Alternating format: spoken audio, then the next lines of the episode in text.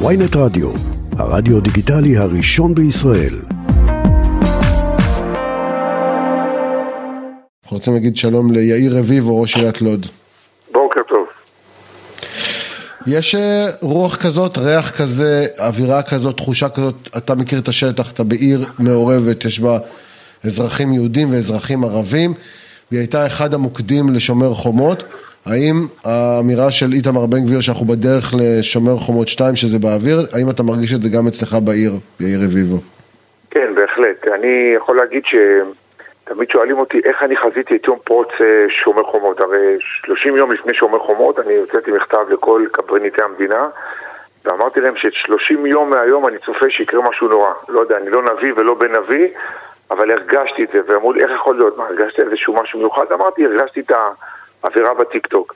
הרגשתי את העלייה הגדולה מאוד בפעילות הפלילית. אמרו לי, כן, אבל בסוף קרה לאומני. וזה מה שאני אומר, ואני אומר גם עכשיו. יש קשר מאוד מאוד מאוד חזק בין הפשיעה הפלילית לטרור הלאומני. ואני מאתמול, אה, מהפיגוע, מהפיגועים הנוראים, לא שאלו שאלה אחת, לא שמעתי אף אחד ששאל שאלה אחת. מאיפה הנשקים? ולי יש גם את התשובה. הנשקים מתוך ערביי ישראל, כנראה מלוד, כנראה מטייבה, כנראה מרהט, הנשקים של המחבלים, ויכול להיות שאני עכשיו פה מזעזע במה שאני אומר, הנשקים של המחבלים הגיעו מתוך ערביי ישראל. מי שרוצה להתווכח איתי מהשב"כ, יכול להתווכח איתי, אבל אני אומר לכם, ואני אמרתי את זה כל הזמן, בסופו של דבר... רגע, אבל בוא נגיד את האמת, יאיר רביבו, הרי אנחנו לא מחלקים, אה, אתה יודע, מדינת ישראל לא מחלקת אה, כלי נשק לערביי ישראל, היא דווקא כן לפעמים מחלקת נשק לחיילים, לשוטרים ולאזרחים ישראלים שיש להם רישיון. אז גם אם יש נשק אה, אצל ערביי ישראל, הוא מגיע מאיזשהו מקור. השאלה אם הוא מגיע מירדן, או שעצם ההחלטה לחלק יותר כלי נשק אומרת שיהיה יותר גנבות, יהיה יותר כלי נשק אצל הציבור, אצל החברה הערבית, ובסוף הוא יגיע גם למחבלים. אז אני אומר, היום לערביי ישראל יש יותר נשק מכל צבא הגנה לישראל. תקשיבו טוב למה שאני אומר, כמה חיילים יש? 100 אלף, 150 אלף חיילים? יש 400 אלף נשקים היום לא חוקיים בישראל. 400 אלף נשקים. הנשקים האלה, שאני התרעתי עליהם שנים, הופנו בשומר חומות כלפי היהודים, כי אתה יודע, בסוף עבריין מול עבריין, הם מוצאים את האויב היותר גדול, שזה הציבור היהודי. וזה מה שקרה בשומר חומות. אותם נשקים שתמיד אמרו לי בשב"כ, במערכת הביטחון, תקשיב, זה רק פלילי, זה ריב בין חמולות. אמרתי להם, אבל יבוא יום וזה יופנה אלינו, וזה מה שקרה בשומר חומות, שזה הופנה אלינו. ואני חושב שהנשקים שעשו את הפיגועים האחרונים הם הנשקים שהגיעו מתוך, אה, מתוך ערביי ישראל. זה, יכול להיות שזה לא הגיע ממקור לאומני, או מאיזשהו מאוויים לאומניים, אלא ממאוויים כספיים נטו. אבל הנשקים האלה לא הגיעו מהשטחים, הם הגיעו מתוך ערביי ישראל. וערביי ישראל, מאיפה מציגים נשקים? יכול להיות שחיילים לצערנו ש, שמועדים ומוכרים להם, יכול להיות מכל מיני הברחות שיש מ... ומה אה, המענה, מה המענה לזה מבחינתך? המענה מבחינתי, קודם כל, אני, אתה יודע, תמיד אומרים מערכת השיפוטית, הרפורמה השיפוטית, אני... אני מצפה שקודם כל תהיה רפורמת המשילות, אז אני מחכה לממשלה החדשה שאני, שאני מתומכיה, ומחכה שתהיה לה קצת פניות להתעסק ברפורמת המשילות, כי אני חושב, היה אצלנו איתמר בן גביר ביום רביעי, דקה אחרי שהוא הלך, אה, כמגוון, מחווה לביקורו, במשך כל הלילה ירו פה הפושעים. איתמר בן גביר אמר לעצור, עצרו את כולם, עצרו איזה עשרות גברים. הפלא ופלא, עד שבת כולם היו בבית. מערכת המשפט, וזו הביקורת הגדולה שיש לי, לא יכולה לשחרר את הפושעים מיד אחרי שהם נעצרים. הדלת המסתובבת הזאת. אבל רגע, מי אמר שהם פושעים? מה זאת אומרת, אנשים שנתפסו יורים, אנשים במצלמות העירייה שנתפסים שהם יורים. כל העצורים ש... נתפסו יורים? תראו, זה, זה בדיוק חלק מה, מהמחדל של, אה, שצריך לתקן את החוק.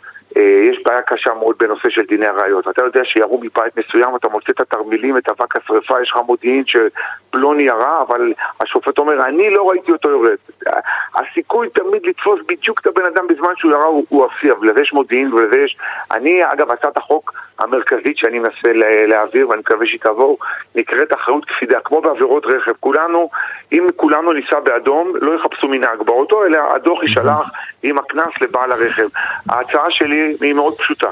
אומרת, כאשר ירו ממתחם מסוים, או כאשר נתפס נשק בבית מסוים, מי שנושא באחריות הוא בעל הדירה, בעל הנכס, בעל החמולה, בעל השטח. אז רגע, זה תקף, זה תקף גם כשזה קורה כשיהודים נגיד פועלים כלפי רכוש לא? פלסטיני? למה לא? כן, אפשר להרוץ, לעצור משפחות שלמות? אנחנו, אנחנו מדינת חוק, תמיד אי אפשר אבל כל הזמן ללכת על המיעוט. כמה פיגועים יש ליהודים כלפי ערבים? מה זה משנה? אז מיעוט. אז בפעם ב-40 שנה שזה קורה, מותר לעצור אה, אה, משפחות שלמות יהודיות שזה קורה? שמדינת ישראל מחוקקת חוק, מעולם לא זכור לי שהיא אמרה החוק הזה חל רק על יהודים או רק על ערבים. חוק הוא חוק. הרבה פעמים אוכפת אותו רק על יהודים או רק על ערבים. אבל בסופו של דבר כשאני מדבר... אני אתן לך דוגמה דווקא מאצלך. אני אומר, היא הרבה פעמים עושה את זה, למשל חוק, אה, חוקי הבנייה. חוקי הבנייה שהם חוקים יותר קלים, כן, של מרפסת, של זה, הם כן. אוכפים אותם יותר אצל יהודים. מושבניקים וערבים הם כאילו באותו סטטוס, על מושבניקים הם יחטפו את הדוח של ועדת הבנייה, ואצל ערבים ירפו מזה. מצד שני, אה, זה הפוך בכל מה שקשור לשאר הדברים אה, שקשורים לאכיפת חוק. אז אני במקרה שלי, בעיר שלי, הבנתי שנושא המשילות הוא חשוב מאוד. יש אצלי שוויוניות מוחלטת ויש אצלי הריסות גם במגזר הערבי וגם בציבור הערבי. מי שפורע חוק, הוא פורע חוק.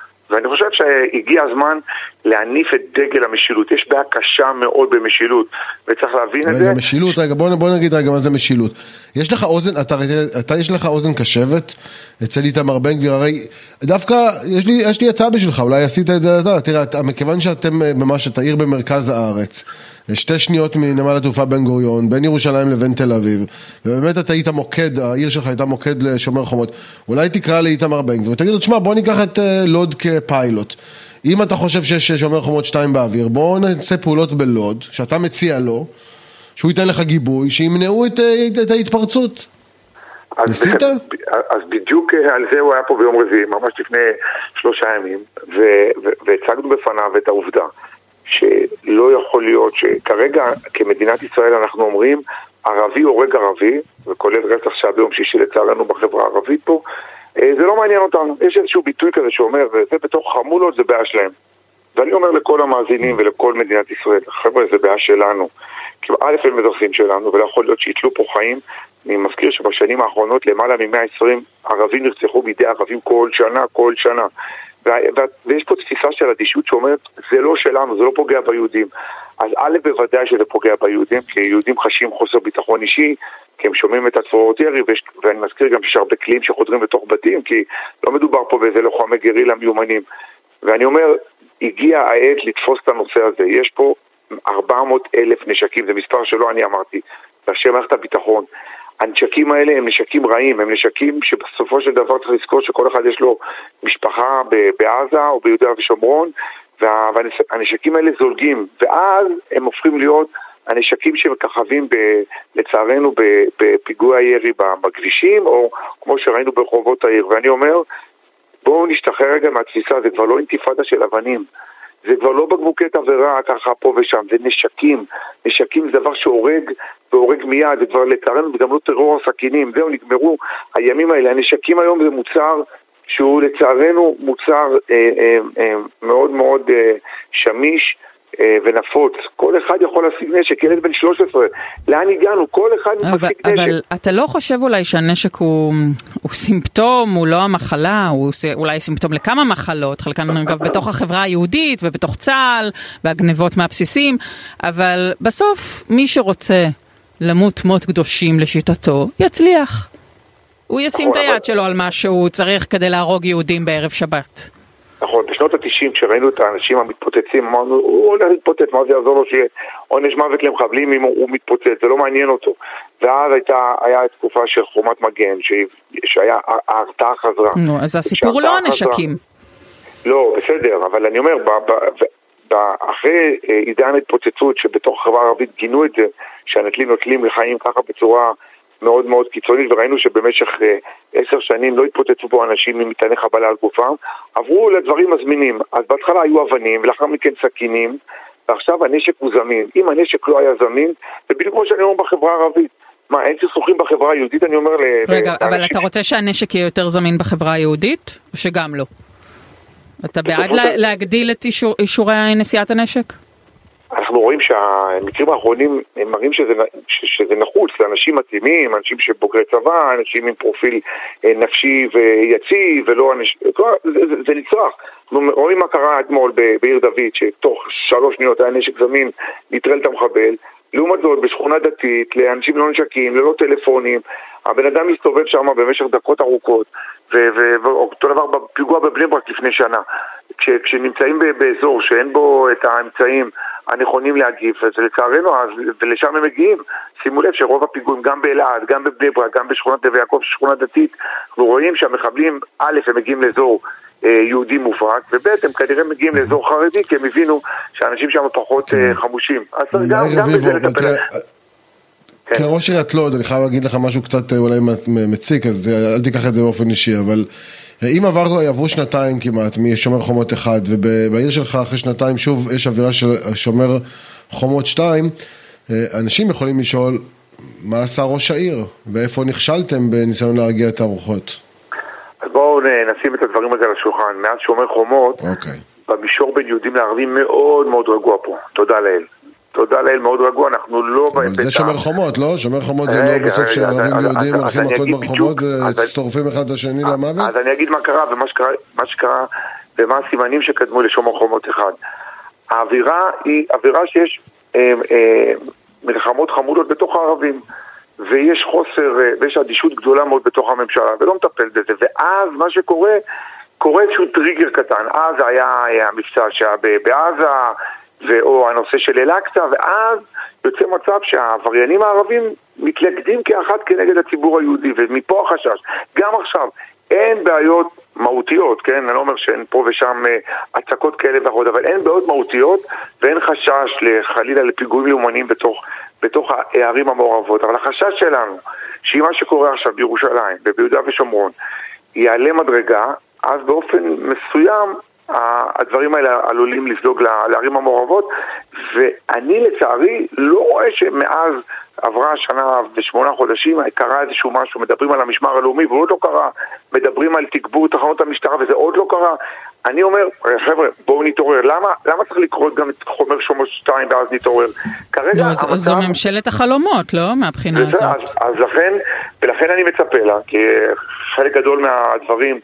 הם, הם, הם, על אותם מיליארדים והם הם כן נכנסו להסכמים הקואליציוניים והם אמורים להיכנס אה, לתקציב הקרוב, אבל חלק מהדברים צריך לעשות מיידי. אני רוצה להזכיר שסתם נתון אחד, שאמר לי מפקד התחנה שבחודש שעבר חמישה קצינים בדרגת פקד התפטרו. אה, וזו תחנה מאוד מאוד חשובה בעיר לוד, הם התפטרו כי הם מקבלים 8,000 שקל, שזה שכר פחות או יותר של סייעת בגני ילדים, וברור לנו שאף אחד לא יעבוד בשכר הזה. אז א' צריך להגדיל את הכוח, דבר שני צריך כן. להגדיל את השכר, ודבר שלישי שאני מדבר עליו שנים, יש חבילה של שישה, שבעה חוקים שאני באופן אישי, אני לא מחוקק, אומנם הכי נבחר לכנסת ואני ככה מסייע לו אה, ברעיונות, יש חמישה, שישה, שבעה חוקים שאני חושב שהם צריכים לבוא כחבילה אחת כדי להחזיר את המשילות. אה, בין היתר אוקיי. הנושא של עבירות נשק וירי, לא יכול להיות שבן אדם משתחרר... נוכל להסכים ממש לסיום, יאיר רביבו, שבלוד ייבחן אה, בן גביר? אה, לא, לא שמעתי, מה בן גביר? אמרתי, נוכל להסכים לסיום הרעיון שבלוד ייבחן בן גביר? כן, בהחלט. הוא היה פה שבוע שעבר, הוא קיבל פה 5,000 קולות, שזה מאחת המפלגות הגדולות שקיבלה את הקולות. אנשים האמינו בו ותמכו בו. ואין לי ספק שהוא בא ברצון טוב, אבל uh, בסופו של דבר זה מבחן התוצאה. וראינו את זה גם בליל שבת, שהוא מאוד מאוד היה לו חשוב להגיד. מבחן התוצאה זה אומר... טוב, תודה רבה, בשורות טובות. כן, תודה רבה, ראש העיר לא יודע, תודה רבה שדיברת איתנו, ואני מקווה שהתחזיות שלך הפעם יהיו אה, שגויות, למרות שלא בטוח שזה יהיה נכון, אבל אני מקווה שהפעם טעית, נקווה.